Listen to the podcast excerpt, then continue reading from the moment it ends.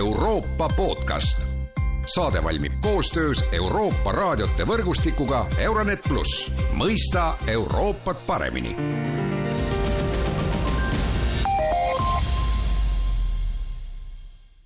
tere taas kuulama Euroopa podcasti. esmaspäeval ja teisipäeval peeti Tallinnas digitaalne tippkohtumine, millest teiste seas võtsid osa Eesti peaminister Kaja Kallas ja Euroopa Komisjoni president Ursula von der Leyen. Digitaalse tippkohtumisi teemasid aitab kommenteerida telefonitsi Majandus- ja Kommunikatsiooniministeeriumi digiala asekantsler Lukas Ilves, tere päevast! tervist! ja mina olen Erkki Pahovski. no võib-olla räägime natuke laiemalt sellest äh, digikohtumisest, Eesti kuulajad, ma arvan, ei ole väga kursis, et äh, mida see digitaalne tippkohtumine endast kujutab äh, ja missugused olid need põhilised teemad, mida seal arutati? Jaa, no Tallinn Digital Summit ehk Tallinna digitippkohtumine toimub juba viiendat korda, see sai alguse aastal kaks tuhat seitseteist, kui peaminister kutsus siia meie Euroopa Liidu eesistumise ajal kõikide teiste Euroopa Liidu liikmesriikide riigijuhte, et siis, et siis esimest korda riigijuhtide seas rääkida äh, digiteerimise võimalustest ja väljakutsetest. ja nüüd on seda nii-öelda selle traditsiooniga jätkatud, äh, kogunevad nii, nii äh, riigijuhid kui IT-ministrid,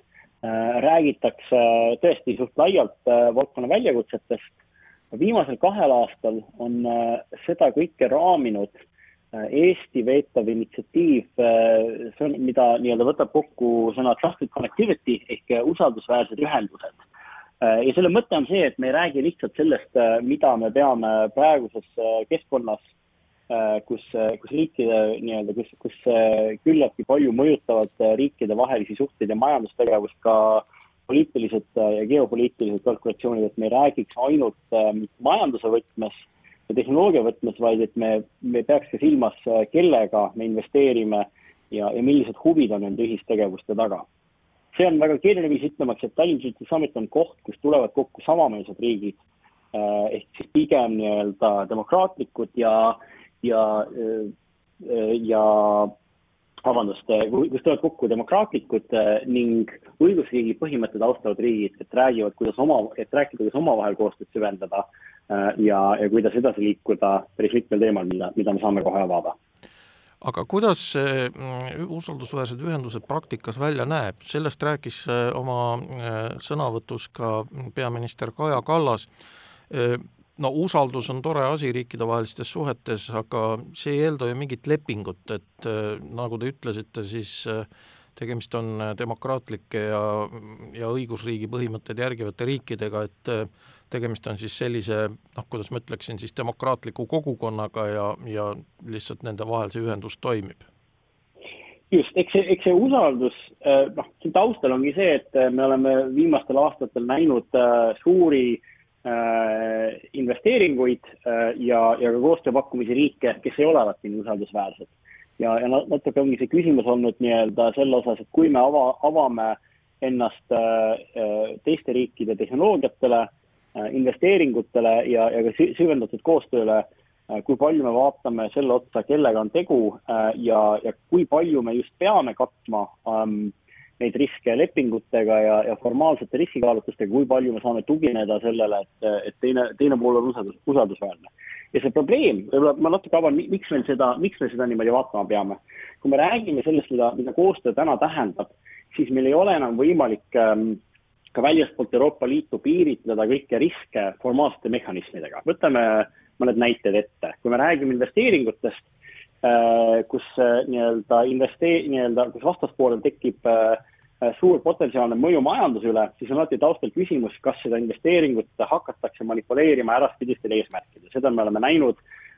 näiteks Venemaa-poolsete energiainvesteeringute puhul, kus selle reaalne ajend Äh, ei ole ähm, lõpuks äh, kasumi teenimine ja äri tegemine, vaid, äh, vaid Venemaa geopoliitilise võimu suurendamine. samamoodi näeme seda näiteks sidetaristualaste investeeringute puhul või, või on ka näiteks küsimus olnud meie sidetaristu puhul, kas, kas investeeringud ja, ja näiteks ka riistvara, mida me kasutame, tarnitakse ja arendatakse selle eesmärgil, et teha head tehnoloogiat või kas, kas selle taga võib olla lõpuks äh, mõni riik, kes on valmis tehnoloogilist sõltuvust ära kasutama selleks, et äh, kasu, et meie vastu ära kasutada seda sõltuvust. no see digitaalne tippkohtumine ei olnud ju ainult digivallast, et kui võtta ja lugeda näiteks Ursula von der Leyeni sõnavõttu, siis ta räägib seal kolmest tähtsast teemast, ehk siis kriitilisest infrastruktuurist, sellest, et sõltuvust tuleks asendada tasakaalukama koostööga, noh, siin on ilmselt vihje Venemaale ja ilmselt ka Hiinale, ja siis seesama, millest me tegelikult ju praegu rääkime, rääkisime, ehk siis usaldusest globaalse sidususe vastu, et et Ukraina sõda on ju tegelikult äh, neid äh, protsesse ja arenguid ikkagi väga palju muutnud ja pannud uude konteksti, et noh, kui me mõtleme tõesti kriitilise infrastruktuurile, siis need äh, rünnakud Nord Streami vastu näitasid selgelt, et et see infrastruktuuri turvalisus on kriitilise tähtsusega. aga, aga ikkagi, et kuidas nüüd see digivaldkond siis aitaks või see digitaalne koostöö aitaks siis kaasa nendele Ukraina sõja ja julgeolekuga seotud küsimustele? jaa äh,, väga hea küsimus. eks äh, taustal on see, et äh,, et kui me vaatame seda, mis Ukrainas on toimunud, siis äh, küberjulgeolek on mänginud väga olulise osa sellest sõjast ja siin me räägime ainult mitte, mitte ainult bittide ja baitide turvalisusest, vaid ka äh, side- ja arvutusvaldkonna taristu turvalisusest. Äh, esim-, sõja esimesel päeval äh, kuulusid esimeste rünnete objektide hulka Ukraina andmekeskused, Ukraina füüsiline sidetaristu, samamoodi sooritati edukas küberrünne kommunikatsioonisatelliidi vastu, mida Ukraina sõjavägi kasutas oma sidepidamiseks, aga mida muuhulgas kasutasid ka paljud Euroopa ettevõtted sidepidamiseks Äh, tänu sellele ründele näiteks läksid tööst välja äh, mitmed äh, sajad tuulikud üle Saksamaa. Ähm, ehk siis me oleme Ukraina sõja kontekstis näinud, et ähm, esiteks suur risk tuleneb sellest, et rünnatakse just sidetaristut, rünnatakse tehnoloogilist taristut eesmärgiga saavutada laiem geopoliitiline eesmärk ja eks see põhjus on väga lihtne tänapäeva ühiskonnad ja nende toimimine on väga sõltuvad nendest taristutest ja see on haavatavus, mida on äh, lihtne sihikule võtta. eriti on see haavatavus oluline äh, väljaspool klassikalist sõjalist konteksti, kus äh, kuulide ja mürskudega ei ole võimalik rünnata äh,, kus äh, küberründe eelis on see, et äh, paha äh,, nii-öelda pahalast äh, või, või ründe sooritajat ei ole väga lihtne äh, tuvastada. ehk äh, meil on äh, nii-öelda, me näeme pidevalt küberruumis seda, et Venemaa ja, ja teised pahatahtlikud riigid kasutavad küberruumi määramatust ära selleks, et äh, rünnata, äh, eesmärke äh, sooritada, olgu see ähm, olgu see pigem infosõjaline eesmärk, segaduse külvamine, usaldamatuse külvamine, olgu see ähm, tundliku informatsiooni varastamine või ka mõne äh, teenuse katkestamine, ilma et neid oleks võimalik vastutavaks pidada äh, Äh, või siis nii-öelda rakendada efektiivseid äh, poliitilisi sanktsioone ja vastumeetmeid. et äh, noh, tegelikult ju see küberruumi määramatus oli ju esil ka ÜRO Julgeolekunõukogus, siis kui Eesti oli selle eesistuja. ja küsimus ongi, et, et kas siis see digitaalne tippkohtumine aitaks kaasa siis kas või nende kirjutamata reeglite noh, siis tutvustamisele või sisse, sisse juurutamisele ja, ja vähendada siis seda määramatust küberruumis? ma ütleks, et sellega on isegi hästi, sest äh, kui me räägime samameelsetes riikides, siis me oleme äh, kõik äh, ühel lehel selle osas, et oluline on mitte ainult tuvastada, aga siis ka sildistada ja, ja sanktsioone kasutada riikide suhtes, kes selliseid ründeid kasutavad, seda äh, Äh, on äh, USA pikemalt juba teinud, seda on hakanud Euroopa Liidu liikmesriigid ka järjest rohkem tegema, äh, eriti viimase paari aasta jooksul. aga kus, ma, ma räägiks korra nii-öelda nendest koostöökohtadest, mis on ka, ka demokraatlike ja samameelsete riikide vahe keerulised ja, ja mille kallal me digitippkohtumise raames tööd teeme, kuhu me nende asjadega liigume. ja seda teeme eriti kahes valdkonnas, üks on küberjulgeolekualane koostöö ja, ja teine on digiriigialane koostöö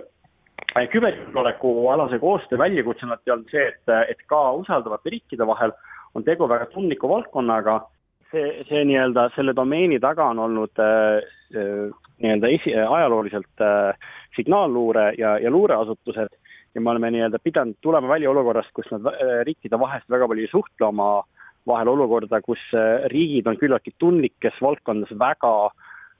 süvendatult valmis omavahel koostööd tegema ja seda sageli automatiseeritud äh, nii-öelda operatiivtasandil, kus infot vahet, ei vahetata nii-öelda iga kord inimotsuse alusel, vaid kus jagatakse automaatselt teine, teineteisega infot, antakse ligipääsu vastastikku väga tundlikule informatsioonile haavatavuste osas ja siis hakatakse järjest ka ühisvõimeid ehitama. see on eriti oluline meie piirkonnas, eks ole. Äh, Eesti vaatest meie kriitilised ettevõtted äh, panganduses, toidutööstuses, transpordis ja mujal, need ei ole tingimata Eesti ettevõtted, tegu on Rootsi, Leedu, Soome ja teiste riikide ettevõtetega, laiemalt me oleme Euroopa Liidu ühisturul, mis tähendab, et kui me tahame nii-öelda ka seda majanduslikult integreeritud piirkonda kaitsta, siis meie suutlikkus suhelda nende ettevõtetega, nende peakontoritega peab olema sama hea kui, kui nende nii-öelda äh, koduriikide äh, küberasutuste suutlikkus, mis tähendab omakorda, et see koostöö peab olema tunduvalt äh, tihedam kui see, et saame aeg-ajalt kokku, räägime juttu, joome koos kohvi, vaid, äh, vaid lõpuks eeldab meilt ühiste võimete ehitamist niimoodi, et kui pannakse toime küberrünne ettevõtete vastu, kes toimetavad kogu piirkonnas, siis on kogu piirkonna riikide suutlikkus üheselt reageerida nendele rünnetele olemas. ja sama põhimõte kehtib ka digiriigis ähm, või analoogne põhimõte aastaid oleme koostööd teinud, aastaid oleme kogemust jaganud, aga üha enam liigume sinnapoole, et me ka päriselt ehitaks koos. ehk et Eesti, Eesti on väga hea näide äh, oma koostöö, oma X-teadlase ehitamise koostöö äh, näitel, kus me oleme äh, Soome ja Islandiga mitte lihtsalt kogemusi vahetamas, vaid ehitamegi koos X-teed, me oleme moodustanud ühisorganisatsiooni, NIISi üks MTÜ, mis äh, paikneb Eestis, äh, mis kõigi kolme riigi spetsifikatsioonide ja, ja rahaga tellib X-tee ühisarendusi ja siis pannakse täpselt sama kood, sama tarkvara kõigis kolmes riigis tööle. samamoodi tahame hakata üha enam teiste digiriigi komponentide osas toimetama koos teiste riikidega. ehk et me päriselt paneks leivad ühte kappi ähm,, ehitame koos komponente, sageli vabavaralised, arendame nad koos mis omakorda tagab, et meil on olemas taustal ettevõtted, kes toimetavad kõikides riikides, meie koosvõime läheb järjest paremaks, meie suutlikkus riikide vahel andmeid vahetada, teenuseid pakkuda läheb paremaks. ehk et lõpuks need nii-öelda klassikalised riikidevahelised piirid, äh, nad ei hägustu, aga nad muutuvad kergemini läbitavateks. ja sellega me tulemegi tagasi selle juurde, miks see nii-öelda usaldus nii oluline on. Ähm, me ei räägi, see, see, see potentsiaalne haavatavus, millele me ennast avame, kui, äh, kui me nii-öelda ühe, arendame teise riigiga koodi, kui me ehitame ühist kübervõimet, on küllaltki suur, kui see riik seda meie vastu pahatahtlikult ära kasutaks. Äh, ja, ja neid riske ei ole kunagi võimalik maandada puhtformaalsete meetmetega, see ei ole maandatav lepinguga, see ei ole maandatav sellega, et ma auditeerin asju lõpmatuseni, ma pean mingil määral suutma usaldada teise osapoole kavatsusi. ma pean teadma, et nad ei kasuta seda sõltuvust minu vastu ära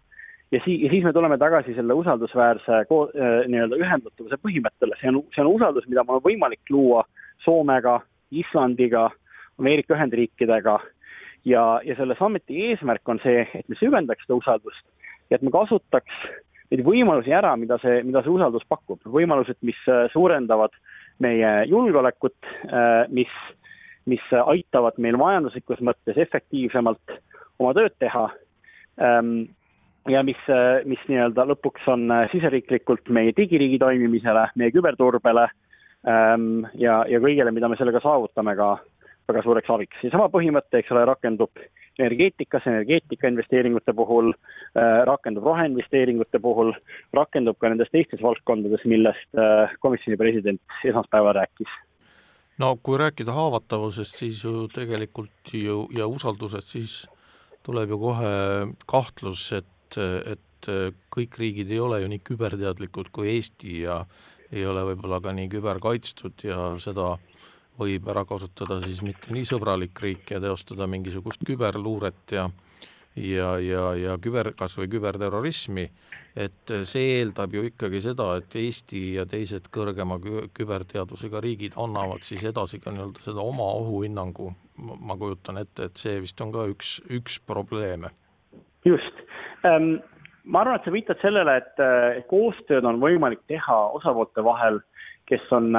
kes on sarnasel või, või siis nii-öelda kõik vähemalt piisavalt kõrgel tasemel. no täpselt, noh, kui me jah. räägime just, noh, kui me räägime nendes valdkondades, siis ma arvan, et see suur, see suur hüpe, mis on toimunud viimastel aastatel, on see, et kuigi Eesti oli teeraja nii, nii küberturbes kui, kui digiriigi arendamisel kümme-viisteist aastat tagasi, siis ülejäänud arenenud maailm on väga tublisti meile järgi jõudnud ähm, ehk et äh, küberis äh, see nii-öelda võrdlemisi kõrge võime äh, ja arengutase on tegelikult kõik, pea kõikidel Euroopa riikidel olemas, ähm, samuti paljudel teistel olulistel partneritel ka digiriigi vallas, kuigi mina Eesti nii-öelda riigi IT-juhina olen alati valmis põhjendama väljapoole, et meil on maailma parim digiriik, siis ausalt öeldes vaadates neid arenguid ka meie paljude naabrite juures, siis need, need vahed on täna väiksed ja, ja see, see võimekus on tekkinud ka mujal. ehk et äh, see ongi osa selle nii-öelda digitaalse arengu äh, peavoolustamisest, et me ei saaks, me ei saagi enam väita, et Eesti on kuidagi unikaalselt võimekas selles valdkonnas, vaid me pigem kõik äh, enam-vähem äh, oleme samal joonel nüüd. ja aitäh, Lukas Ilves, nende kommentaaride eest, kuulasite Euroopa podcasti, kõike head ja kuulmiseni!